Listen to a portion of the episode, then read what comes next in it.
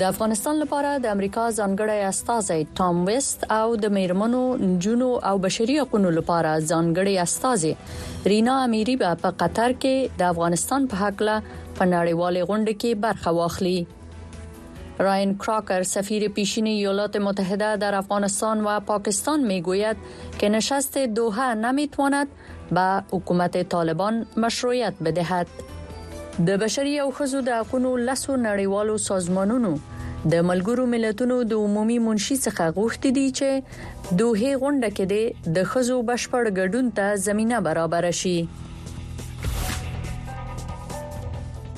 سلامونه او ستړي مشي د امریکا غږ د یو موضوع او څو زاوی اونیزه خبرونه ته ز برېښنا عمر خیل تاسو ته خراغلاست وایم د دې اونۍ د خبرونه موضوع په دوه کې د افغانستان په اړه د ملګرو ملتونو دویمه مشورتي غونډه ده د امریکا د بهرنیو چارو وزارت وایي د افغانستان په اړه د دوه جوړیدونکو غونډه کې د دوی دوه ډیپلوماټان ځانګړی استازی ټام ویست او د افغان ښځو، نجونو او بشري حقونو لپاره ځانګړې استازې رینا امیري د دوحې غونډې کې برخه اخلي. ملګري ملتونه وايي چې د دوحې د غونډې یو مهم هدف د طالبانو د استازو په ګډون د افغان فعالینو او سیاستوالو سره د ځانګړو استازو لیدل دي. د متحدو ایالتونو د بهرنیو چارو وزارت وایي چې د افغانستان لپاره د دغه هېواد ځانګړی استازی ټام ویست او د افغان میرمنو، انجونو او بشري حقونو لپاره ځانګړې استازې رینا میري په قطر کې د افغانستان په هکله په نړیواله غونډه کې ګډون کوي. دا غونډه په ډېسېمبر میاشت کې د افغانستان په اړه د ملګرو ملتونو د امنیت شورا د پرېکړه لیک له صادرېدو وروسته جوړېږي. امریکا په کلکه د دې پرېکړه لیک چې د افغانستان لپاره د ځانګړي استازي غوښتنه کوي، ملاتړ کوي. او د ملګرو ملتونو له سرمنشي څخه غواړي هر څومره ژر چې امکان لري ځانګړی استازی وټاکي. د متحدو ایالتونو د بهرنیو چارو وزارت ویاند وایي، ځانګړي استازي به په ښه موقف کې وي څو د افغانستان سره نړیوال تعامل تنظیم کړي او پرېکړه لیک کې ټاکل شوي اهداف ترلاسه کړي. بلخوا د ملګرو ملتونو ویاند سټیفن دوجارک وایي د دوحې د غونډې یو مهم هدف د طالبانو د استازو په ګډون له افغان شریکانو سره د ځانګړو استازو لیدل دي. د غونډې یو مهم اړخ دا دی چې د ځانګړو استازو لپاره فرصت مساعد شي څو د حاکمو چارواکو، میرمنو او افغان مدني فعالانو په ګډون د افغان شریکانو سره وګوري. د ملګروملتونو امنیت شورا د تیر کال په ډسمبر کې د افغانستان لپاره د یو ځانګړي استازي د ټاکل کیدو او د طالبانو سره د تعامل په اړه وړاندیز تصویب کړ، خو د طالبانو حکومت د داسې یو استازي له ټاکل کیدو سره مخالفت ښودلی دی. طالبانو که څه هم د دوحې په غونډه کې د خپل ګډون په اړه څه نه دي ویلي، خو د افغانستان لپاره د ایران د جمهور رئیس ځانګړي استازي او په کابل کې د دغه هېواد سفیر حسن کاظمي قمي ویلي چې د طالبانو حکومت د دوحې په غونډه کې د خپل پلاوي د ګډون لپاره دوه شرطونه ایښي دي. ښاغلي قمي که څه هم د دې شرطونو په اړه څه نه دي ویلي، خو طالبانو ته یوې نږدې سرچینې امریکا غږ ته ویلي چې د دوحې په غونډه کې د ګډون په اړه د طالبانو یو شرط دا دی چې د ځانګړي استازي د ټاکل کېدو بحث د غونډې په اجنډا کې شامل نه شي او د غونډې په څنډه کې د ملګرو ملتونو د سرمنشي او د طالبانو د هیئت د ملاقات زمینه مساعده شي. او د دې کانفرانس هغه اساسي ټکی به د بین الافغاني مذاکراتو لپاره یوه زمینه برابرول دي. موږ پوهیږو چې په جهاني ټولنه کې د افغانستان په ارتباط اجماع موجوده ده او په دې اجماع کې تقریبا ټول هغه ستر قوتونه شامل دي چې په افغانستان کې فقدان احساسيږي هغه د افغانانو ترمنځ اجماع ده. هغه حقوق چې میرمنې په دې دوه دوه نیم کالو کې د لاسه ورکړي دي د دې حقوق د بیرته د لاسته راوړلو په خاطر باندې باید بحث وسي او مثبتې نتيجې ته طالبان اړ سي چي ورسيږي او ومني چي دا حقوق عبارت دي د سياسي مشارکت څخه، تحصيلي، فرهنګي، ټولنيز او کاري مشارکت دي چي د افغانستان ميرمني هيله من دي چي د دوحې په غونډه کي پر دې مسایلو باندې بحث وشي. ملګرو ملتونو د تېر دوه زره او درویشتم کال د مې میاشتې په لومړیو ورځو کې د قطر په پایتخت دوحه کې د طالبانو د استازو د ګډون پرته د افغانستان په اړه خپله لومړۍ مشورتي غونډه جوړه کړې وه. سمیع الله جلالزی، د امریکا غږ. سپینه ماڼۍ وایي د طالبانو په اړه د دوی دریځ کې هیڅ بدلون نه دی راغلی د سپینې ماڼۍ د ملي امنیت شورا د اړیکو سلاکار جان کربي امریکا غږ ته ویل ک طالبان غواړي چې د مشروع واکمنانو په توګه وګڼل شي باید په خپل ژمنو عمل وکړي چې تر اوسه یې پر عمل کړای نه دی د سپینې ماڼۍ د ملي امنیت شورا د اړیکو سلاکار جان کوربي په یو خبري کانفرنس کې د دوه راتونکو غونډ ته په اشاره د امریکا غږ د پښتنې په جواب کې ویل چې د طالبانو په اړه د دوی په دریځ کې هیڅ بدلون راغلی نه دی مونږ په رسمي توګه دا ویلي چې طالبانو سره د اړیکو عادي کولو یا په رسمیت د هغوی پیژندلو په برخه کې د متحده ایالاتو په دریځ کې هیڅ بدلون نه دی راغلی. موږ تل ویلي چې که هغوی غواړي چې د مشروع واکمنانو په توګه وګڼل شي، باید په خپلو کړیو ژمنو عمل وکړي چې تر اوسه یې پرې عمل نه دی کړی. بلخوا ملګري ملتونه وايي چې د طالبانو له خوا د اسلامي حجاب د قوانینو نه مراعت کولو په تړاو په خپل سر د افغان مېرمنو او نجونو د وروستیو نیونو او په بند کې د هغوی د ساتلو په اړه ډېره اندېښنه لري. د ملګرو ملتونو د عمومي منشي ویاند سټیفن دوجارک وايي، د ښځو د ځپلو روان بهیر به په خپل سر د نیولو وېرې له امله ښځې د نورې انزوا سره هم مخ کړي. د ملګرو ملتونو پلاوی اوس مهال د ناسم چلند او غیر قانوني نیونو، د طالبانو له خوا افغان میرمنو او نجونو اړوند تورونو د ارزونې په حال کې دی او داسې ښکاري چې مذهبي او قومي اقلیتونه په یو ډیر نامتناسب ډول د طالبانو د دغو ځپونکو اقداماتو تر اغیزې لاندې راغلي دي. د طالبانو حکومت د بد حجابۍ په تور د ښځو او نجونو د نیولو لړۍ د تیر دوه زره درویشتم کال په وروستیو ورځو کې پیل کړې ده، خو د طالبانو د حکومت د حجاب په تړاو د ښځو د نیونو راپورونه رد کړي. پر میرمنو محدودیتونه په داسې وخت کې زیات شوي چې ټاکل شوې ملګري ملتونه د افغانستان په اړه د فبروري په اتلسمه او نولسمه په دوحې کې دویمه مشورتي غونډه جوړه کړي. یو شمېر معترضې مېرمنې وايي، د دوحې په غونډه کې طالبان ته د ګډون پر ځای دې نړیوال ټولنه له هغوی سره حساب و کتاب وکړي. ما مردم افغانستان از جامعه جهانی میخواهیم که در مورد وضعیت افغانستان تصمیم جدی بگیرد در نشست دوحه با آمدن طالبان وضعیت برای زنان هر روز دشوارتر می شود و ما مردم افغانستان خواهان حکومت همشمول هستیم که با اتحاد و آرای مردم انتخاب شود میلیون ها زن و دختری که در این کشور زندگی می کند روزهای خود را مملو از اندو درد ناامیدی می آنها امروزه در نگرانی خودشان و آیندهشان است افغانستان لپاره د ایران د جمهور رئیس ځانګړي استازي حسن کاظمي قمي ویلي، د سیمې او ګاونډي هیوادونه د بل هر وخت څخه زیات افغانستان کې د ثبات د ټینګېدو لپاره دغه هیواد سره د تعامل او همکارۍ په لټه کې دي. وحید فیضي، د امریکا غږ.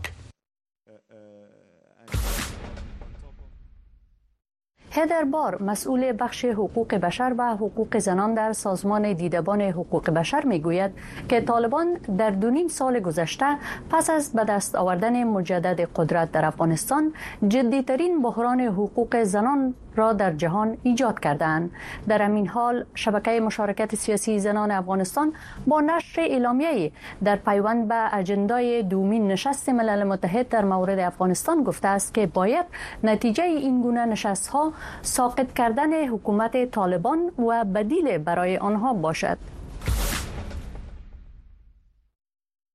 طالبان و واکنش جهانی به حقوق زنان عنوان مقاله است که هیدربار مسئول بخش حقوق بشر و حقوق زنان در دیدبان حقوق بشر در ژورنال دانشگاه جورج تاون آمریکا آن را سه شنبه نشر کرد و در آن به آنچه آپارتاید جنسیتی در افغانستان تحت حاکمیت طالبان خوانده و تشریح وضعیت زنان افغانستان پرداخته است او سپس پیشنهاداتی را جهت بهبود حقوق زنان افغانستان مطرح کرده است خانم بار گفته است که اگر دولت ها و سازمان های بین المللی در برابر اقدامات مقامات طالبان ضعیف اقدام کنند میزان حقوق زنان در جهان در سطح پایینتری سقوط خواهد کرد او به صدای آمریکا گفت که وضعیت افغانستان جدیترین بحران حقوق زنان در جهان است هیچ جای دیگر مثل افغانستان نیست در هیچ جای دختران از آموزش منع نشدند زنان از دانشگاه منع نشدند زنان از کار منع نشدند ممنوعیت گسترده بر تردد زنان است و سرکوبی جاری زنان در حال عمیقتر شدن است متاسفانه افغانستان به تنهایی در این وضعیت قرار دارد اما این به آن معنی نیست که این وضعیت تنها مشکل مشکل برای افغان ها است متاسفانه گروه های دیگر در سایر کشورهای جهان هستند که برخورد محرومیت جنسی را الگو قرار دادند و آن گروه ها حالا از این ظاهرا موفقیت طالبان خیلی الهام گرفتند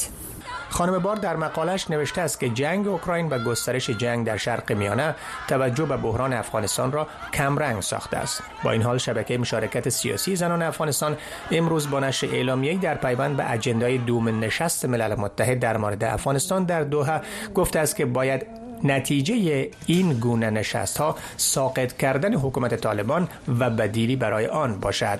خواست ما زنان افغانستان از سازمان ملل متحد و جامعه جهانی و کشورها در موضوع افغانستان این است که نتیجه و هدف این اجلاس باید این باشد که نظام طالبانی از بین برداشته شود و یک نظام دموکراتیک و جمهوریت همشمول که با آرای مردم انتخاب شود در افغانستان پایگذاری گردد تا زنان و دختران بتوانند به آزادی و تساوی کامل دست یابند.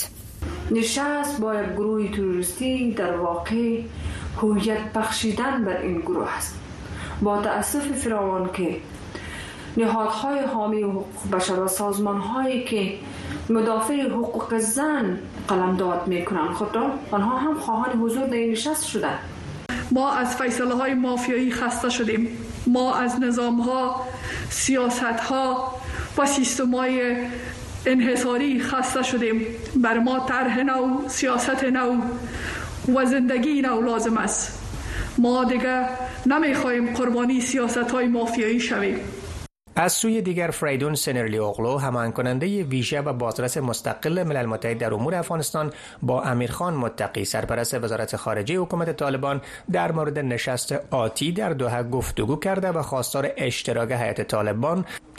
در این نشست شده است با این حال معاونت سیاسی ریاست الوزرای حکومت طالبان به نقل از سنرلی اغلو گفته است که نشست آینده دوها فیصله های خوبی در خصوص افغانستان خواهد داشت که منجر به تغییرات مثبت در روابط افغانستان با جهان خواهد شد محمد احمدی صدای امریکا، واشنگتن طالبان وایي د نړیوالو لخوا د دوی پر یو شمیر چارواکو بندیزونه نړۍ سره د تعامل، مذاکراتو او سیاسي تفاهم مخه نیولې ده. خو یو شمیر میرمنې وایي له طالبانو سره تعامل د دې ډلې د واک د دوام په مانا دی او باید د مشرانو نومونه یې د ملګرو ملتونو په تور لیست کې پاتې شي. د طالبانو د حکومت د ریاست الوزرا د سیاسي چارو مرستيال مولوي عبدالکبیر په داسې حال کې د تعامل او تفاهم په وړاندې د نړۍ د بندیزونو یادونه کوي چې اوس مهال د طالبانو د حکومت اته پنځوس چارواکو نمونه د ملګرو ملتونو د امنیت شورا د بندیزونو په لیست کې شامل دي مولوي عبدالکبیر د یوناما مشر ته ویلي چې د طالبانو حکومت د رسمیت پیژندل لپاره ټول شرایط پوره کړي باید په رسمیت وپیژندل شي او په ملګرو ملتونو کې د افغانستان دایمي څوکۍ دغه حکومت ته وسپارل شي. از سازمان ملل متحد و همه کسانی که در نشست دوحه شرکت می کنند می خواهم که هیچ گونه تعاملی با طالبان نداشته باشند و طالبان همچنان در لیست سیاه سازمان ملل متحد باقی بمانند و با طالبان هیچ گونه تعامل صورت نگیرد چون تعامل با طالبان تداوم قدرت طالبان در افغانستان خواهد بود افغانستان لپاره د اروپאي ټولنې ځانګړي استازي توماس نیکلاسن د قطر په پلازمینه دوحه کې د افغانستان په تړاو د یوې غونډې د جوړېدو د مخه په را روانه اونۍ کې د قرغزستان په پلازمینه بشکک کې د منځنۍ اسیا د پنځو هیوادونو د استازو په ګډون د یوې بلې غونډې د جوړېدو خبر ورکړی دی. ښاغلی نیکلاسن وایي، د دوحې غونډه پر مسایلو د بحث لپاره یو ښه فرصت دی. مونږ په ښکاره توګه اروپایان یو، مونږ د ارزښتونو او ټول ګډونه حکومت ملاتړ کوو، خو مونږ د هغه محدود شمېر له ډلې څخه یو چې دلته حضور لرو. بلاخوا د افغان مېرمنو او نجونو د حقونو لپاره د امریکا د بهرنیو چارو وزارت ځانګړې استازې رینا امیري د طالبانو له خوا د بدحجابۍ په تور د افغانو مېرمنو او نجونو د نیولو وروستیو اقداماتو په اړه ویلي چې افغانان د حجاب فرمان په نوم له سپکاوي ډک چلند پر وړاندې د غږ پورته کولو پر مهال له ګواښ سره مخ کېږي. مېرمن امیري وایي، د طالبانو له خوا د بدحجابۍ په تور په لسګونه ښځې او نجونې نیول شوي او د سپکاوي تر څنګ د سختو جریمو سره هم مخ شوي دي. یو شمېر مېرمنې وایي، طالبانو پر مېرمنو سخت شرایط وضع کړي دي. بسته به شرایط سختی که فعلا قرار دارند، آمار خودکشیها در بین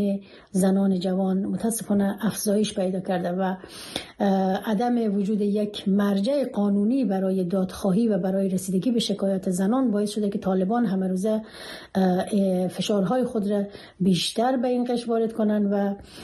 سعی کنن که به جنایات خود بیافزاین سره له دې چې طالبان وايي په افغانستان کې مېرمنو ته د شریعت په چوکاټ کې حقونه ورکړي دي خو د ملګرو ملتونو د بشري حقونو شورا کارپوهانو هم د فبرورۍ په دویمه په یوې اعلامیې کې په افغانستان کې د بدحجابۍ په تور په خپل سر د ښځو او نجونو نیولو په بند کې اچولو او ورسره د ناسم چلند په تړاو په خپرو شویو راپورونو ژوره اندېښنه ښودلې ده. وحید فیضي، د امریکا غږ.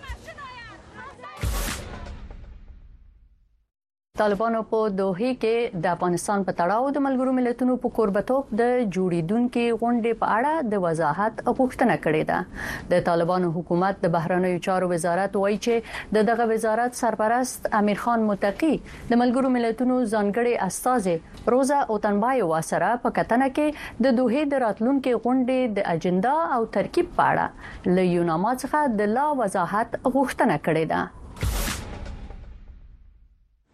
د طالبانو حکومت د بهرنیو چارو وزارت وایي چې دغه وزارت سرپرست امیر خان متقی د ملګرو ملتونو د عمومي منشي ځانګړي استاذي روزوا اوتونبویا سره کتلی د دغه وزارت ویاند مرستيال رسنیو ته په یو استولي پیغام کې ویلي چې په دې کتنه کې دواړو لوریو د طالبانو د حکومت د وروستیو ډیپلوماټیکو پرمختګونو د دوه راتلونکو غونډې د سنوري اوغلو راپور او ورته موضوعاتو په تړاو خپل نظرونه تبادله کړي دي. متقي صاحب د دوحې د راتلونکې غونډې د اجندا او ترکیب په اړه له یوناما څخه د زیاتو وضاحتونو غوښتنه وکړه او زیاته یې کړه چې د وضاحتونو په رڼا کې به امارت د پلاوي د ګډون په اړه پرېکړه وکړي. د ضیا احمد تکل د معلوماتو له مخې، مېرمن اوتونبایوا په دغه کتنه کې د دوحې د غونډې په اړه ځینې معلومات د امیر خان متقي سره شریک کړي او په دې غونډه کې د طالبانو حکومت د پلاوي د ګډون غوښتنه کړې ده.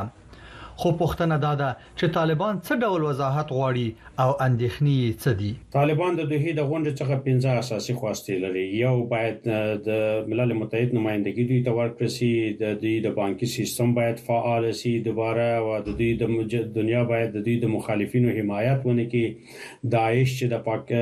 د د پاکستان کې تقویه کیږي او د دوی پر ضد باندې پارول کیږي د دې مخنیوی باید وسي او پنځمه اساسي مسئله دا ده چې دوی وايي چې موږ هلته چې ځو ایا واقع فقط شنوینده یو که هلته کوای شو چې ابراز نظر وکړو. د دوحې د غونډې په درشل کې د افغانستان لپاره د هېوادونو د ځانګړو استازو مجلسونو هم زور اخیستی. یوازې په تېرو دوو ورځو کې د پاکستان، ایران، چین او اروپايي ټولنې ځانګړو استازو د افغانستان په اړه سلا مشورې کړې دي.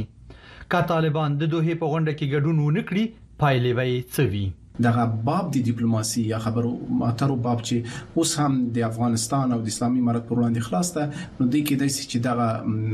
وتړي او اسلامي امارت له نورو تعزیراتو له نورو ننګونو سره مخامخ کی نو دا به هلته معلوم شي چې نړیوال واقعا تر اوسه پورې خو نړیوال د افغانستان په تړاو باندې پاشل نظرونه لرل که په دغه غونډه کې چیرته نړیوال واحد لیدلوري د افغانستان په تړاو باندې تعقیب کړئ او هغه هیوادونه چې دهغو تصمیم مهم ده مثلا چین روسیه امریکا او اتحادیه اروپا دی که هم واحد لیدلوری تعقیب کړئ او د افغانستان په تړاو باندې تصمیم ونیسي نو معلوم دار چې اسلامي امارت به له ننګونو او مشکلاتو سره مخامخ کړي. په همدې حال کې رسنیو خبر ورکړی چې په ازبکستان کې د افغانستان سفارت طالبانو ته سپارل شوی.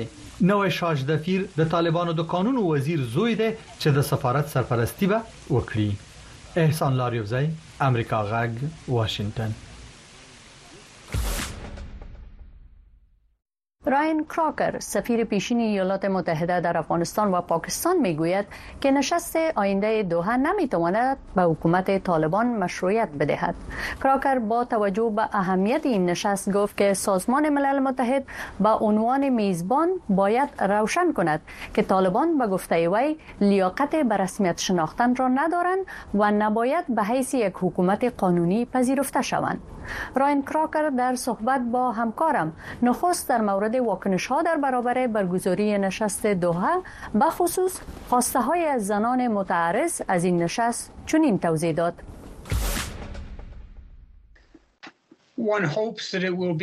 امید است که کنفرانس برای جامعه جهانی فرصتی را به تا به نیازهای افغانستان رسیدگی شود در صورت که طالبان بخواهند جزء جامعه جهانی شوند راهی طولانی در پیش دارند تا شرایط برای او آماده بسازند و رفتار خود با زنان و دختران درست بسازند طالبان سابق بار دیگر به عرصه قدرت رسیدند و افرادی را که با رژیم قبلی با قوای ما یا سفارت کار میکردند به عنوان مجرمین میکشند این فقط شروع ملل متحد هم گزارش داده که همکاری بین طالبان و القاعده ادامه دارد آنچه کنفرانس کرده نمیتانه است که برای طالبان با طرز حکومتداری ناقصشان مشروعیت بده طالبان برای مردم افغانستان و صلح و ثبات بین المللی یک تهدید هستند گزارش متعدد در مورد بازداشت زنان معترض از سوی طالبان منتشر شده که برخی از زنان هم در زندان هستند زنان معترض از سازمان ملل متحد خواهان توجه بیشتر شده اما قسمی که معلوم میشه به این مسئله زیاد توجه صورت نگرفته به نظر شما آیا مسئله افغانستان برای جهان دیگه اهمیت نداره و اینو میگذارن که طالبان به سبک خودشان به حکومت داری خود ادامه بدهند Uh, متاسفانه حکومت بایدن در قسمت خروج قوای امریکایی از افغانستان اشتباهی بزرگی کرده به ایمنی که افغانستان به طالبان واگذار کرد در حال حاضر حکومت بایدن افغانستان فراموش کرده که حتی یک کشور وجود داره ما در اقلیت هستیم حتی هیچ یک از مقام های ارشد بایدن نمیخواهد در مورد افغانستان صحبت کنه حتی در مورد اعتراضات زنان افغان برای اعاده حقوقشان که تا یک ما مسئول بوستیم و هم مردم زنان به دست طالبان گذاشتیم متاسفانه حکومت نمیخواهد در مورد افغانستان آگاه شود و صحبت کنه ایالات متحده تلاش میکنه که از مسئله افغانستان با همه تراژدی او چشم پوشی کنه در تلویزیون از آنچه در افغانستان میگذارند نشرات پخش نمیکنند مردم افغان با خصوص زنان باهای سنگین را میپردازند شما فضای منطقه و جهان برای به رسمیت شناختن طالبان چطور ارزیابی میکنین؟ چین سفیر طالبان را پذیرفته اما این مسئله چقدر ممکن طالبان را به مشروعیت رسانیدن کمک کنه در صورت که چین و سایر کشورها هنوز طالبان را به رسمیت نمیشناسند؟ با گذشت زمان وضعیت uh, ناگوار از هر نظر عادی شود و پس از مدت حتی طالبان برای رسیدن به مشروعیت اقدام نخواد کردند uh, با این مقاومت در برابر اونا از بین میره ما دیدیم که چین سفیر طالبان پذیرفت به نظرم در حال حاضر کنفرانس از این نظر همیت داره که سازمان ملل متحد با عنوان میزبان باید روشن بسازه که طالبان لیاقت به رسمیت شناخته شدن را ندارند و نباید حکومتشان قانونی پنداشته شود به خاطر که با طرز رفتاری که دارند رژیم اونا غیر قانونی است و این کنفرانس به نظرم یک موقف بسیار روشن اتخاذ کنه اما هدف او تامین امنیت داخلی افغانستان اعاده حقوق مردم افغان با خصوص زنان افغان است طالبان برای مشروعیت پیدا کردن تعهد کرده بودند که بر ثبات و امنیت منطقه روابط با القاعده را قطع می کنند ما ایمان از زواهدی را که مهمان طالبان بود پیدا کردیم و کشتیم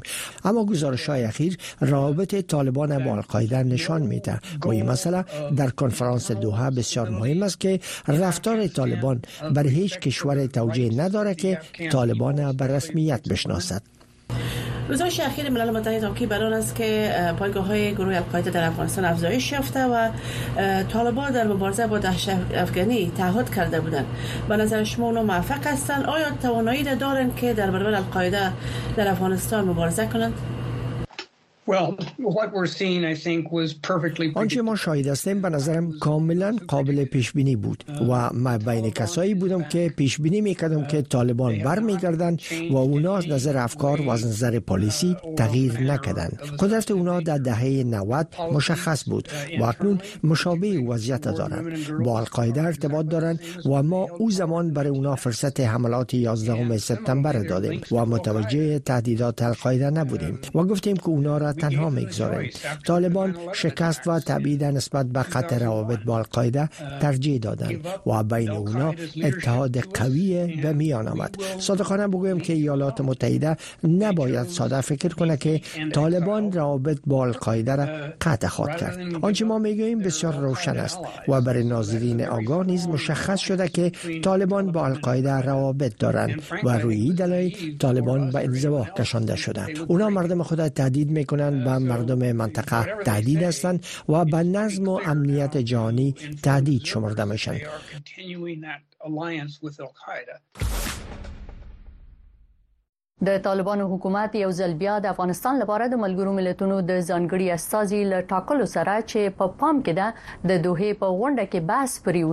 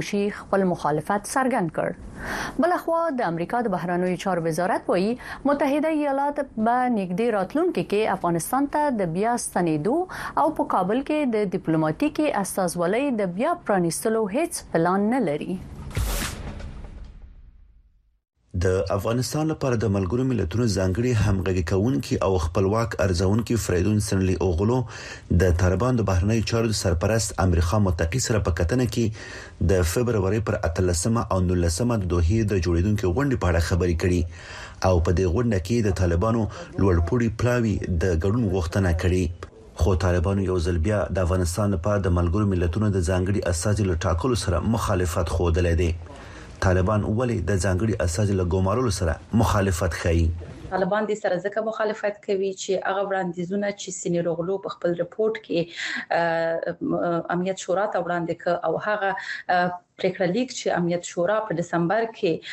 دوی تصویب کړل د هغه د تصویب د پاره یا د هغه د تطبیق د پاره د غزنګړې استاذ به د سیمې د هیوادونو او د غربي هیوادونو ترمنځ د اجماع د پاره کوشش وکوي د ډیپلوماټیک د لارې نه او په څنګ کې د دې هغه وظیفه بداوي چې غیر طالب افغانان څه که په بهر کې دي او څه په دننه، دوی باید ټول سره یو ځای کې. د ځانګړو استازو ترمنځ د دوحې د غونډې په رانږدې کېدو سره د سیمې یو شمېر هېوادونه او مېرمنې غواړي چې د ټولګډونو حکومت پر موضوع بحث وشي او په دې غونډه کې مېرمنې په معناداره توګه برخه ولري. د نومونو سره مونږ آشنايي نه لرو او وېره مې دا ده چې بیا داسې نه شي لکه په جنیوا کې چې په سازمان ملل متحد کې د هیومن رایټس کونسل په غونډه کې ځینې میرمنې راغلي وي چې هغوی طالبانیزم څخه دفاع کوله او د طالبانو لپاره یې لابي کوله نو د افغانستان د میرمنو په هکله که خبرې کیږي دا زما لپاره امپورټنټ پاینټ یا هغه مهمه نقطه ده خو داسې میرمنې چې هغوی باید د افغانستان د میرمنو د تایید وړ واوسي او واقعي مسایل د ښځو اړوند چې هغه د عدم سیاسي مشارکت ده، د مېرمنو د تحصیل حق دی، د کار حق ده، د فرهنګي مشارکت حق دی، د مېرمنو د بیان د ازادي او د افغانستان د ټولو وګړو د بیان ازادي ده. په ورته وخت کې د امریکا د بهرنیو چارو وزارت وايي، متحد ایالات په لنډ راتلونکي کې افغانستان ته د بیا ستنېدو او په کابل کې د خپلې ډیپلوماتیک استازولۍ د بیا پرانیستلو لپاره هیڅ کومه برنامه نه لري. زموږ د بهرنیو چارو د وزارت دریځ دا دی چې په نږدې راتلونکي کې په کابل کې د کوم ډیپلوماټیک فعالیت د ستنیدو لپاره کوم پلان نه لرو. موږ د طالبانو د غړو په ګډون په افغانستان کې دننه او بهر له ډیرو افغانانو سره په اړیکه کې یو، خو بشري حقونه او ښوونځیو ته د نجونو او میرمنو بیرته ستنیدل د تعامل لپاره زموږ شرطونه دي. د ملګرو ملتونو په ګډون نړیوال ټولنې د طالبانو اوسنی حکومت د بشري حقونو تر پښو لاندې کولو په ځانګړي ډول د افغان نجونو او ښځو سره په تبعیضي چلند تورن کړی دی ډیری شنونکي په دې باور دي چې د کړنو له نړیوال ټولنې سره طالبان د حکومت د تعامل پر وړاندې خنډونه جوړ کړي دي وحید فیضي د امریکا غږ قدرمنو لیدونکو ستاسو د ملتیا نه ډیره زیاته مننه دا خبرونه هم هم دلته پای ته رسیدي تاسو دا او زموږ نور خبرونه په ساتلایت او د امریکا غږ په ټولنیزو رسنیو کې هم لیدلای شئ شپه او ورځ مو په خیر تر بیا مو څښتن مل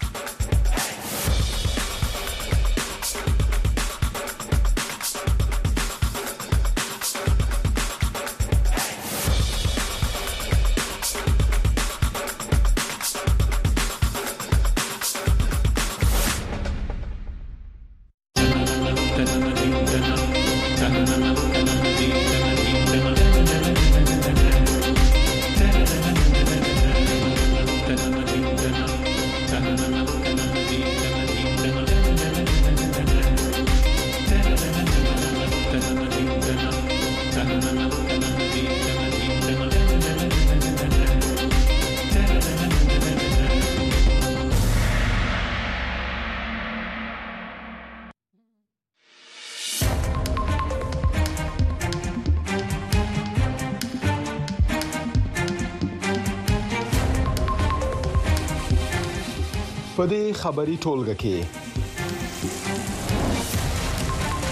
د طالبانو سره د نړۍ د تعامل راتلونکي ملګري ملتونه وایي که طالبان په رسمیت وپیژندل شي نو د افغانو میرمنو د حقوقو نقض کول به لا پسې زیات شي د نوالني وژنه او پر پوتين د قتل ادعا د امریکا ولسمشر د الکسي نوالني قاتل د روسیې ولسمشر ولادمیر پوتین بولی او په بهرنیو مارکیټونو کې د افغانستان توکي بلجیم کې یو شمېر افغانان په سوداګرۍ بوخت دي نن مو هغه ځای ته بیایو چې افغاني توکي او قالین پکې خرڅېږي. السلام علیکم خرغلاس نن شنبه د فبرवरी د میاشتې ولسمه نیټه ده تاسو دا او زموږ نور خبرونه په سټلایټ او د امریکا غاک په ټولنیزو رسنیو کې هم لیدل شئ تاسو کوربه ز احمد شکیب یم په دې خبرونه کې زما همکار خدای نور ناصر د دوه د غونډې په اړه د طالبانو د تازه اعلامیې جزئیات شریکوي او برېښنا او مرخیل به د میونیخ د کانفرنس جزئیات د موږ سره شریکي له دوه څخه په مننه لمړی زه پاکستان ته د طالبانو حکومت د یوې اعلامیې په خبرولو سره ویلي چې د دوه په راتلونکي غونډه کې د دوی ګډون ګټور نه دی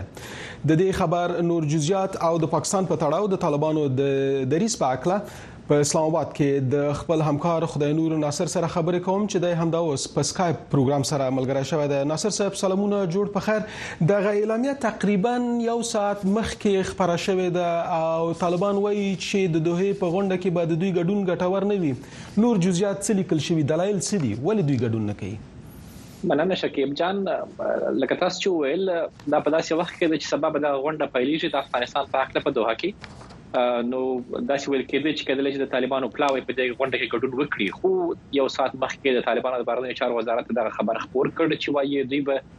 ځکه په دې غونډه کې ګډون ونه کړي چې د دوی په خبره وايي دوی ځینې غوښتنې کړې وې چې باید له لوړ پوړو چارواکو سره هلته په خاصه توګه د ملګرو ملتونو له سرمنشي ښاغلي انټونی ګوټیرش سره ځانګړي ملاقاتونه وسی او دغه خبرې چې د دواړو خاړو ترمنځ باید مخامخ وسی نو وايي هغوی ته يې کوم داسې مثبت ځواب ورنه کړل شو، نو ځکه دوی نه ګڼي چې دغه به کومه ګټوره غونډه وبلل شي، وګڼل شي د افغانستان لپاره، نو ځکه وايي په دې کې ګډون نه کوي. له تېرو څو ورځو راهيسې ځينې سرچينې راته وويل چې له تېرو څو ورځو راهيسې د طالبانو حکومت دغه ملاقاتونه له بېل بېل هېوادونو له استازيو سره کړي وو، هم په کابل کې هم په دوحه کې د دوی استازو کړي وو او په دې کې يې غوښتنه کړې وه چې بايد دغه ډول ملاقاتونه د دې غونډې تر شا هم وسی د لوړ پوړو چارواکو او د افغان طالبانو له مشرانو سره خو وايي هغوی ته کوم وخت ورنکل سو نو ځکه دغه ویل کېدی چې کېدل چې دوی په دې غونډه کې ګډون ونه کړي ځکه چې یو ساعت مخکې د طالبانو د بهرنیو چارو وزارت هم دا اعلام یې خبره کړه او په دې کې ویل چې دغه غونډه دوی لپاره د ګټور نه ده چې ګواکې که دوی سره ملاقاتونه هلته ونه شي، نو دوی به په غونډه کې ګډون ونه کړي. د دې اعلامیې یوه بله محتوا دا ده چې طالبان باید د یو مشروع لوري په توګه په دغه غونډه کې برخه واخلي او دوی غواړي چې دوی سره ملګري ملتونه په یوازې سر خبرې وکړي او نورو لورو ته اجازه ورنه کړل شي. همدارنګه د اعلامیې محتوا دا هم ښيي چې طالبان غواړي د ملګرو ملتونو د سرمنشي سره وګوري خو دغه غوښتنه وایي چې دوی د ملګرو ملتونو سره شریکه کړې ده په هر صورت سبا بل سبا په دې اړه نور جزئیات راځي راځو بیرته پاکستان ته پاکستان په سیاسي ناندریو هم اخته ده آیا ګوندونو د حکومت د جوړولو لپاره په کوم فرمول سلا کړي د مذهبي ګوندونو شکایت په څه ده یوازې د مذهبي ګوندونو نه بلکې د ټولو سیاسي ګوندونو شکایتونه سته او پرون د پاکستان مسلم لیګ نواز ډلې چې مخکې اعلان کړی و چې دوی په مرکز کې حکومت جوړوي له نورو یو ائتلافي حکومت به یې هغه په خپل ګوند ورګاډوي نور ګوندونه باندې هم غوښتنه کړې ولا غوښتنه څخه خواست کړی و چې د حکومت ورګاډ شي خو پرون ځینې داسې خبرونه راغلي چې خپل د پاکستان مسلم لیګ نواز ډلې ته هم خپل سیاستوالو دا مشوره ورکړې ده چې باید د پاکستان په دې اوسني حالت کې چې له هره لحاظه له هره خوا هغه په مشکل کې دی وايي باید په مرکز کې حکومت جوړ نکړي نو تر اوسه پورې لا هم د حکومت جوړونې په حق له کوم داسې لوی پرمختګ نه دی سوی او خبرې اترې لا هم روانې دي چې بیل بیل لکه د پاکستان تحریک انصاف ګوند چې د مخکنی لمړي وزیر عمران خان ګوند دی هغه هم هڅه کوي چې حکومت جوړ کړي د پاکستان مسلم لیګ نواز ډله هم هڅه کوي چې حکومت جوړ کړي، خو تر اوسه پورې دغسې لوی پرمختګ لا هم شوی نه دی، حال دا چې څو ورځې وشوې د ټاکنو او له بلې خوا لا هم احتجاجونه روان دي، د پاکستان په بېل بېل سیمو کې پراخ احتجاجونه دي او په دې احتجاجونو کې نه یوازې د پاکستان تحریک انصاف ګوند بلکې نور ګوندونه هم ورګډ دي، په بلوچستان کې د بلوڅو او پښتنو ملتپال ګوندونه هم په دې احتجاجونو کې ورګډ دي او هغوی هم هلته احتجاج کړی دی. نو ګواکې که یوې خوا ته د حکومت جوړونې خبرې کوم لوی پرمختګ نه دی شوی نو بلې خوا ته احتجاجونه لا هم روان دي ډیر زیاته مننه کوم که په لاندو ټکو په 13 ثانیو کې د عباس تنگزی د څرګندونو په تړاو د پاکستان خبرګون مونږ سره شریک کړئ ډیر لاند د پاکستان د بهرنیو چارو وزارت ویاندې د خبر ورکړې دی وایي چې د دې په خبرګون کې ویلي دي چې وایي د دې پټکیو د پاکستان او افغانستان ترمنځ پوله د دې په خبره وایي چې دا نړیواله پوله ده او په دې کې باید دغه ډول خبرې ونه کړي او پر ځای دې چې دغه ډول ادعاوې وسي د دې په ټکیو وایي افغان چارواکي دي په افغانستان کې د امنیت د ټینګښت لپاره ګامونه پورته کړي دا یو خبرګون وو د پاکستان د بهرنیو چارو وزارت د راغلی و چې عباس تانکزي ویلي و چې وایي نیم افغانستان د پاکستان غاړې ته د ډیورنډ کرښې هاخوا زهرا بلوڅ دا خبره هم کړې ده چې د ډیورند د کرښې په ځای د کابل د اسلام آباد د امنیتي اندېښنو په اړه هم فکر او سوچ وکړي ډیره زیاته مننه کوم په خیر اوسئ په دوحه کې د افغانستان په اړه د ملګرو ملتونو په کوربتوب د دویمې مشورتي غونډې له جوړېدو مخکې ملګرو ملتونو په تازه چیرنه کې خبرداري ورکړې چې طالبان په رسمیت وپیژندل شي د افغان میرمنو د حقوقو کړکېچ به لا پسې زیات شي بلخوا په امریکا کې میشت یو شمېر افغان شنونکي وایي چې د بهرنیانو لخوا جوړیدونکې غونډې د افغانستان ستونزې هوارول نه شي او افغانان باید په خپل د خپل هیواد د کړکېچ لپاره سیاسي حل لاره پیدا کړي. د ملګرو ملتونو یوه تازه څېړنه ښيي چې په افغانستان کې اووه شپېته په سلو کې مېرمنو اندېښنه څرګنده کړې که د طالبانو حکومت په نړیواله کچه په رسمیت وپېژندل شي د دوی د حقونو بحران به لا ډېر شي. د ملګرو ملتونو دا څېړنه داسې مهال خپره شوې چې ټاکل شوې د فبرورۍ په اتلس مه او نولس مه په دوحه کې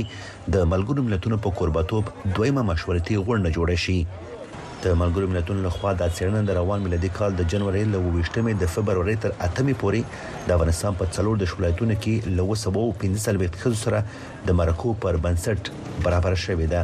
په افغانستان کې زموږ د اندېښنو او کار اصلي هدف د مېرمنو او نجونو د بشري حقونو ساتنه او د هغوی د وقار بیا پر ځای کول دي. د دوحې غونډه د سیمې او د ملګرو ملتونو د غړو هېوادونو د ځانګړو استازو ترمنځ غونډه ده. د طالبانو استازو سره به هم یوه غونډه وشي، خو د مدني ټولنې له غړو د مېرمنو ډلې به هم په کې ګډون وکړي، ځکه دا ډېره مهمه ده چې د افغان مېرمنو غږ ډېر لوړ او په واضح ډول واورېدل شي.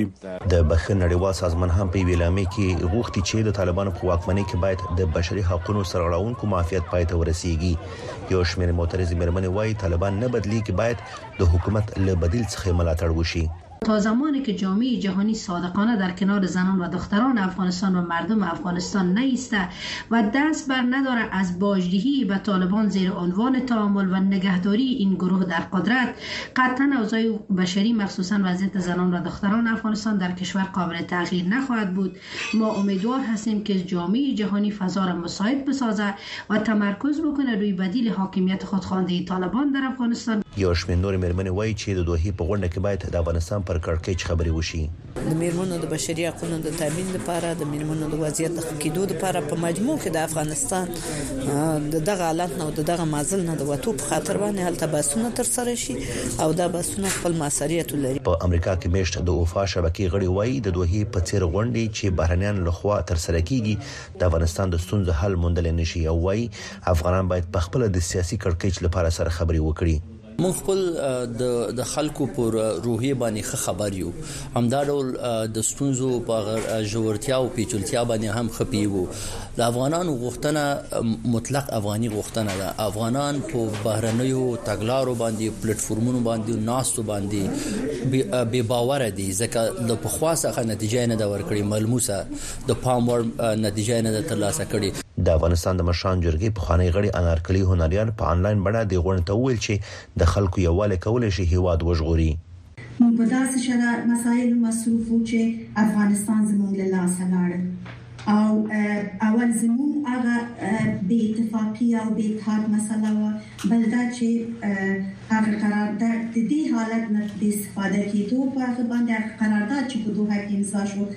هر څه د افغانستان خلاص شول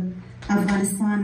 ځینې تعهدات وشول چې افغانستان تسلیم شي. د جورج ټاون انسټیټوټ وايي چې په دوحه کې د ملګرو ملتونو له خوا د افغانستان په تړاو جوړېدونکې غونډې په برخه کې د شفافیت او یوې کړنلارې نشتون د ګډوډۍ سبب شوی او دا اندېښنه یې راولاړه کړې چې ممکن نړیوال ټولنه طالبانو سره د اړیکو عادي کولو ته نږدې شي او د ښځو او نجونو حقونو ته شا واړوي. وحید فیضي، د امریکا غږ په افغانستان کې د ملګرو ملتونو پخوانی استازی تداماچی یاماماتو وایي د افغانستان اوسنی سیاسي وضعیت ته پکتو د ملګرو ملتونو د ځانګړي استازي ټاکل ډیر اړین دي څو وکولای شي د افغانانو او نړیوالو ترمنځ همغږي رامنځته کړي د امریکا غږ سره په مرکه کې تداماچی وایي چې د نجونو او میرمنو زده کړې او د ټول شمولیت په ګډون مسایل د نړیوال ټولنې لپاره ډیر مهم دي او طالبان هم باید په اړه پرختینه توګه فکر وکړي. د افغانستان په اړه د دوحې غونډه د فبرورۍ په اتلسمه او نولسمه ترسره کېږي، په هکله یې ستاسو نظر څه دی؟ فکر کوم دا ډېره مهمه غونډه ده، په څو دلایلو مهمه ده، لومړی دا چې د دواړو لورو، نړیوالې ټولنې او د طالبانو د حاکم حکومت لپاره یو ښه فرصت دی. دا دواړو خواوو لپاره ګټوره غونډه ده چې یو بل درک کړي، د دې ترڅنګ مسایل او ستونزې سره مطرح کړي. دواړه لوري سره یو شان او اوږدمهاله اهداف لري دواړه لوري یو باثبات افغانستان غواړي داسې افغانستان چې د ځان سیمي او نړۍ سره آرام ووسي او افغانستان باثبات سیاسي وضعیت ولري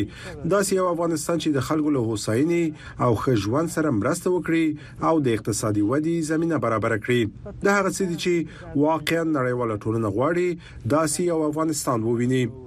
دا ډېره مهمه ده چې طالبان په دې پوه شي چې د دوحې په غونډه کې د ګډون لپاره باید حوصله وکړي. دا غونډه په خپل ذات کې ډېره مهمه ده چې نړیواله ټولنه غواړي د طالبانو سره چې په واک کې دي خبرې وکړي، نو زه هیله لرم چې طالب دې دې غونډې ته په پراخه توګه وګوري او پکې ګډون وکړي بل لوري ته نړیواله ټولنه هم باید کوښښ وکړي رغنده اړخ ته وګوري چې کوم مسایل د خبرو لاري هواريږي موږ په هیګو چې د انجونو او میرمنو زده کړې او د ټول شمولیت مسایل هم شته دي د ملګرو ملتونو امنیت شورا یو نوی پریکړه لیک تصویب کړل او افغانستان لپاره د ځانګړي استاذي د ګمارلو غوښتنه کړې خو طالبانو ورسره مخالفت خوده لدی تاسو په نظر ولې طالبانو مخالفت وخود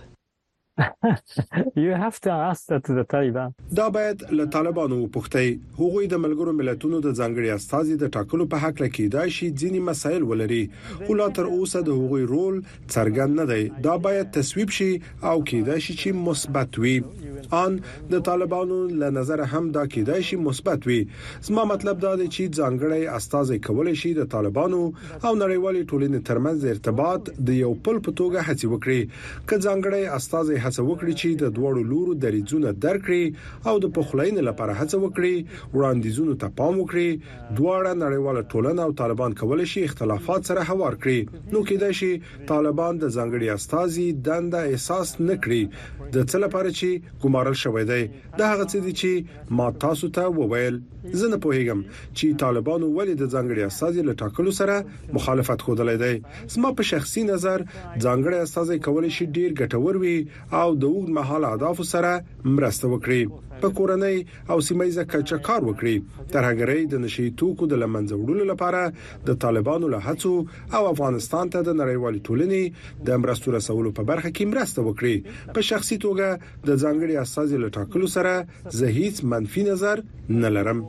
طالبان وايي چې په افغانستان کې د یوناما د ماموریت ترڅنګ د ځانګړي استازي ټاکلو ته اړتیا نشته، فکر کوئ ځانګړي استازي ته اړتیا شته؟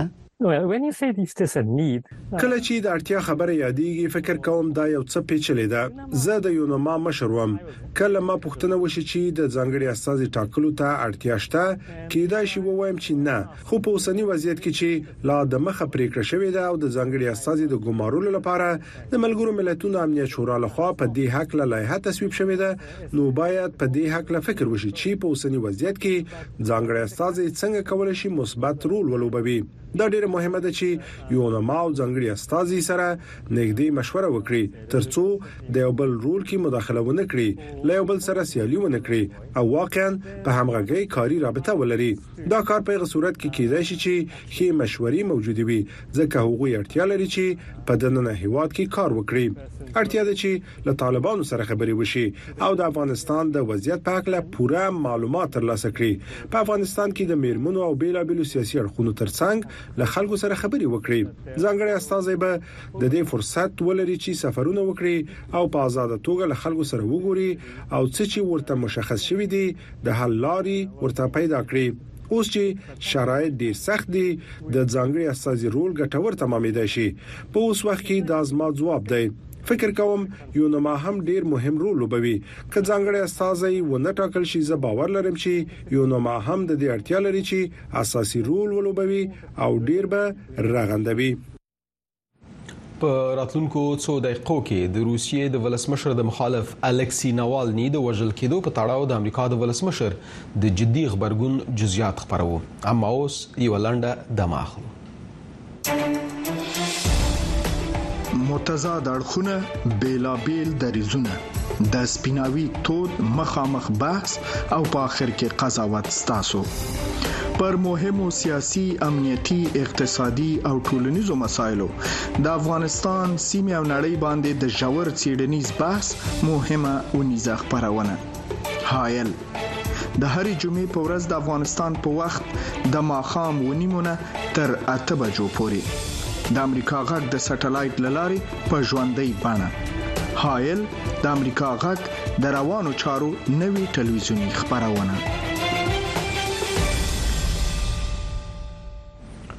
له ملتیا څخه مننه راځو نړیوالو مسایلو ته نن د مونیخ د امنیتي کانفرنس دویمه ورځ و تمه و چې په دې غونډه کې د اسرایل او اوکراین د جګړو په تړاو د امریکا پر ژمنو بحث وشي ځکه چې اوس اروپا په دې فکر کوي چې ډونالد ټرمپ د ولسمشرۍ ټاکنې وګټي نو د دغو جګړو برخلیک به څنګه کیږي د دې درې ورځنۍ غونډې په اړه نور معلومات له برېښنا عمر خیل ناخلم چې دلته په استودیو کې را سره ده برېښنا جانې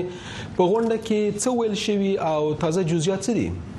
شکیب جان سلامونه تاسو ته درنو لیدونکو ته که څه هم د میونخ د امنیتي کانفرنس مهمه موخه د ناتو غړو هیوادونو ته د امریکا د دفاع ژمنه و خو د روسیې په زندان کې د کرملین سرسخت منتقد او سیاسي مخالف الکسی ناوالنی د مرګ خبر د دې غونډې مهالويش بدل کړل او د ناوالنی کونډې یولیا ناوالنی ته د وینا وخت ورکړ د میونخ امنیتي کانفرنس په داسې وخت کې تر سره کیږي چې په اروپا کې د متحده ایالاتو د ژمنې په اړه اندېښنې مخ په زیاتېدو دي چې د اوکرين سره مرسته کوي ترڅو د پوتین د يرغل مخه ونیسي او په پراخه کچه د خپل متحدینو دفاع وکړي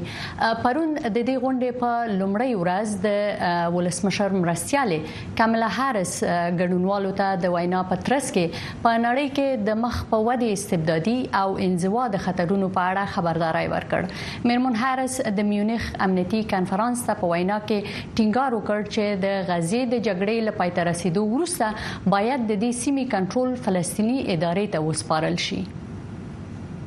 In the Middle East, موږ هڅه کوو هغه شخړه ژر تر ژره پای ته ورسوو چې حماس د اکتوبر په اومه نیټه پیل کړې ده او ډاډ ترلاسه کړو چې دا شخړه په داسې ډول پای ته ورسیږي چې اسرائیل خوندي وي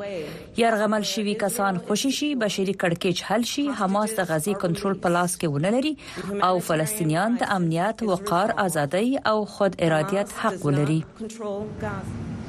د اوکرين ولسمشر ولودیمیر زيلنسکي نن د میونخ په نړیوال امنیتي کانفرنس کې په وینا کې ویل چې چمتو دی چې په اوکراین کې د متحده ایالاتو د پخوانی ولسمشر ډونالد ټرمپ هرکلی وکړي او لاغه سره د جګړې لومړی کرخي ته ولاړ شي ځکه زيلنسکي د زيلنسکي په وینا پریکړه کوونکي باید وګوري چې واقعي جګړه څه معنا لري ولسمشر زيلنسکي یو ورځ وروسته تر دې دا وینا وکړه چې ده له فرانسې او جرمني سره مهم امنیتي تړونونه لاسلیک کړل. ټاکل شوې چې نن ولسمشر زلنسکي د امریکا د ولسمشر له مرستیالې کاملا هارس سره هم خبرې وکړي. شکیب جانه. ډیره زیاته مننه کوم برېښنا جانې په خیر اوسې. مننه. د امریکا ولسمشر جو بایدن د یو مخالف روسي سیاستوال الکسی ناوالني د وژنې مسؤل د روسیې ولسمشر ولادیمیر پوتین ګڼي نوالني د افراطیت په ګډون د یو شمېر تورونو له امله په زندان کې و. ډېر خلک فکر کوي چې نوموړی د روسیې پر ولسمشر د نیوکو له امله زنداني شوی و. مخکې له دې چې نوموړی د تېرې جمعې پر ورځ مړ شي، دا د روسیې په یوې لرې پرتې سیمې، سایبریا، په یوه محکمه کې د نوالني د راڅرګندېدو ویډیو ده.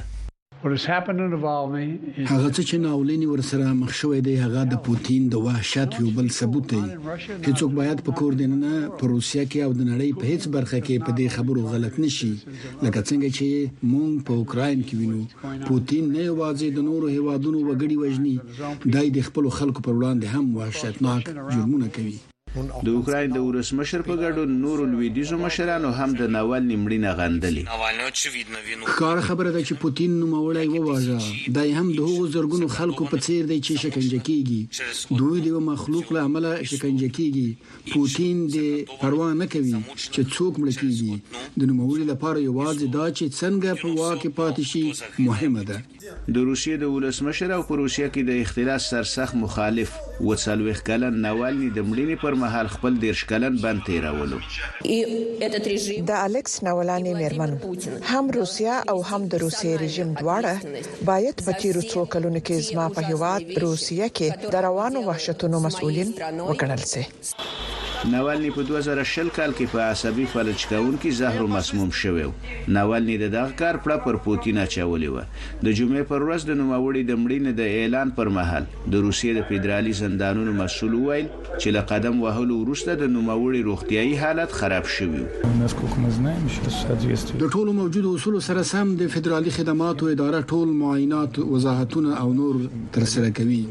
ولسمشر جو بایډن وايي چې نوموړي د تېر کال د جون په میاشت کې د وروسیې ولسمشر ته د ناوالني د مړینې په اړه خبرداری ورکړی و، خو څېړونکي وايي چې هیڅ یو هېواد پرته له دې چې د پوتین کړنې وغندي، په دې اړه نور څه نه شي کولی. زه فکر نه کوم چې په دې اړه دې نور هېوادونه آن د امریکا د متحده ایالتونو په څېر ډېر ځواکمن هېوادونه د روسیې په کورني سیاست کې ډېر څه وکړای شي. د روانې میاشتې په لومړیو کې محکمې ته د وړاندې کېدو پر مهال ناولني د زندان مامورینو ته د پوتین په مخالفت کې د رای ورکولو مشوره ورکړې وه. تاسو یوازې دومره اړتیا لرئ چې یو بل نوماند ته رایه ورکړئ. ما د هغو خلکو چې زه ورسره په اړیکه کې یم، د هغوی د مسؤلیتونو نوملړ جوړ کړی دی. زه تاسو ته د هغوی وړاندیز کوم. نیوکه کوونکي وايي چې کرملین د مارچ د میاشتې په ټاکنو کې د یوې بلې بریا د نقشې جوړولو تابیا نیسي. پوتین له نولس سوه نهه نوي کال راپدیخوا د روسیې د لومړي وزیر او یا هم ولسمشر په توګه په واک کې دی. احمدالله ارچیوال، اشنا تلویزیون، واشنګټن.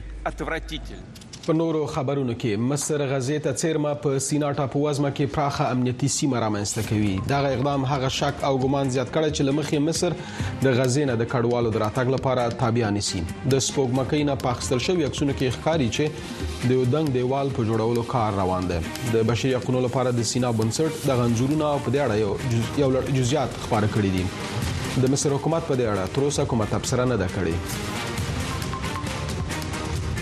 د ایران رسمي خبري اژانس ارنا د شنبه په ورځ خبر ورکړی چې د غیواد پوز د آرمان په نوم د بالستیک ضد میزایلونه او د ازرخش دفاعي سیستم نندارې ته وړاندې کړی دی دا نمایش په داسې وخت کې کیږي چې په سیمه کې کړکېچ روان دی همدا اوس د اسرایل او حماس ترمنځ جګړه روانه ده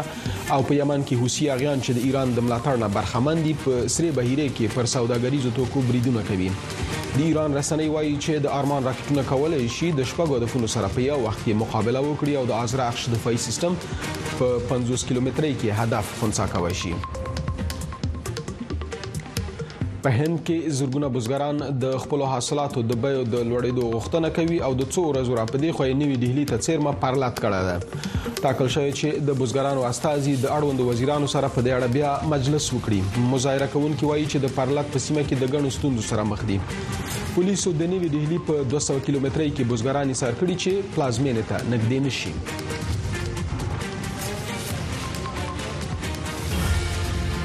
دیش دقیقې د افغانستان او نړۍ په تړاو د اونۍ پر مهمو پیښو رپورټونو او مرکو زغلند نظر هر جمعه د افغانستان په وخت د ماخام د 2 بجو نه تر 2 نیمو پورې او د واشنگټن په وخت د سهار د 10 نیمو نه تر 11 پورې تاسو دا خبرونه د امریکا غږ د ساتلایت لارې په مستقیمه توګه لیدلای هم شئ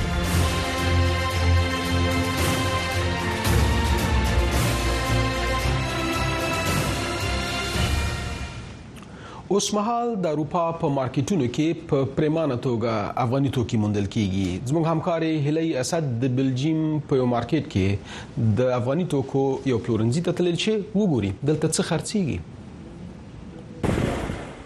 په اروپا کې د میشتو افغانانو په اړه ډیر کله تصور دا دی چې پنګونې او سوداګرۍ ته ځړه نه کوي خودلته د بلجیم په انټورپن ښار کې دا ستر هټۍ د یو افغان کډوال د چي افغاني او هغه توکي پکې پلوري چې افغان پیرونکي په اروپا کې ژوره اړتیا احساسوي. افغانۍ او د نورو هېوادونو قالینې چې د افغاني دود له مخې د هرې کورنۍ د بنډار او ټولنیز ژوند یوه اړتیا ده. افغانان له مختلفو هېوادونو څخه راځي، د جرمني څخه راځي، د فرانسې نه، د سویډن نه، د ویتریش نه، د ناروې نه، د هالینډ نه، د مختلفو هیوادونو نه راځي موږ دا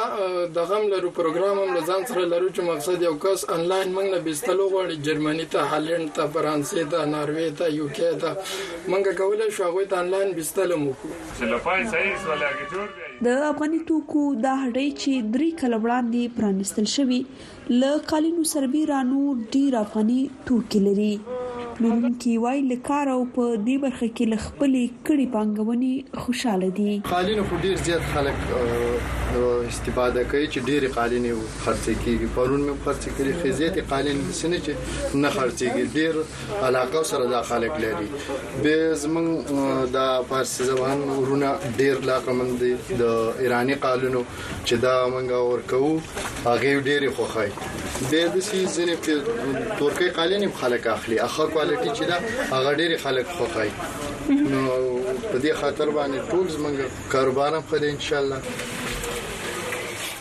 د دې پلورنځي پلورونکي وایي کاڅم پیرونکي ډیر دي خو له افغانستان او نورو هیوادونو د توکو راوړل ډیره ستونزمنه چاره ده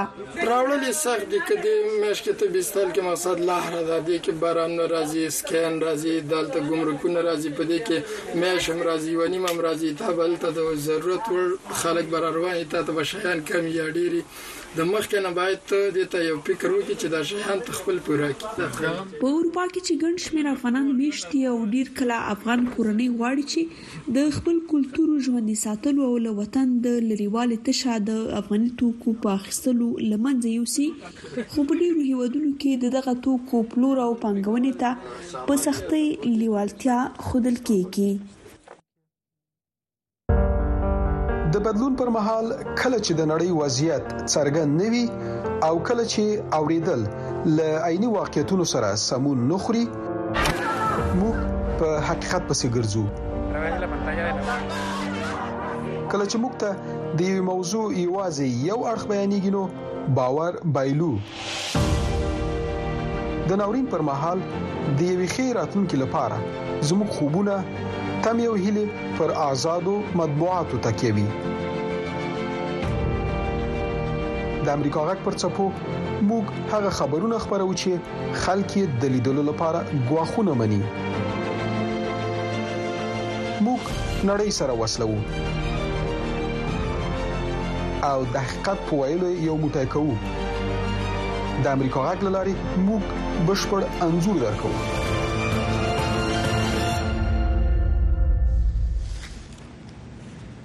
له ملتیا څخه مننه پښتو خبری خبرونه همدلته پای ته رسیږي سو شی بیورسته دری خبرونه پیلیږي چې کوربنای نجیبه خلیل ده نجیبه خلیل په استودیو کې تشریف لري نجیبه جان سلامونه جوړ په خیر مهرباني تاسو د دری په خبرونه کې چه مطالب لرای؟ سلام به شما شکیب جان محترم و بیننده های محترم البته عمده ترین گپ نشست دو هست رویدادهای مربوط به نشست دوها انتظاراتی که از نشست برده میشه و همچنان واکنش وزارت خارجه پاکستان در برابر اظهارات حکومت طالبا در مورد خط دیورند از موضوعات عمده برنامه است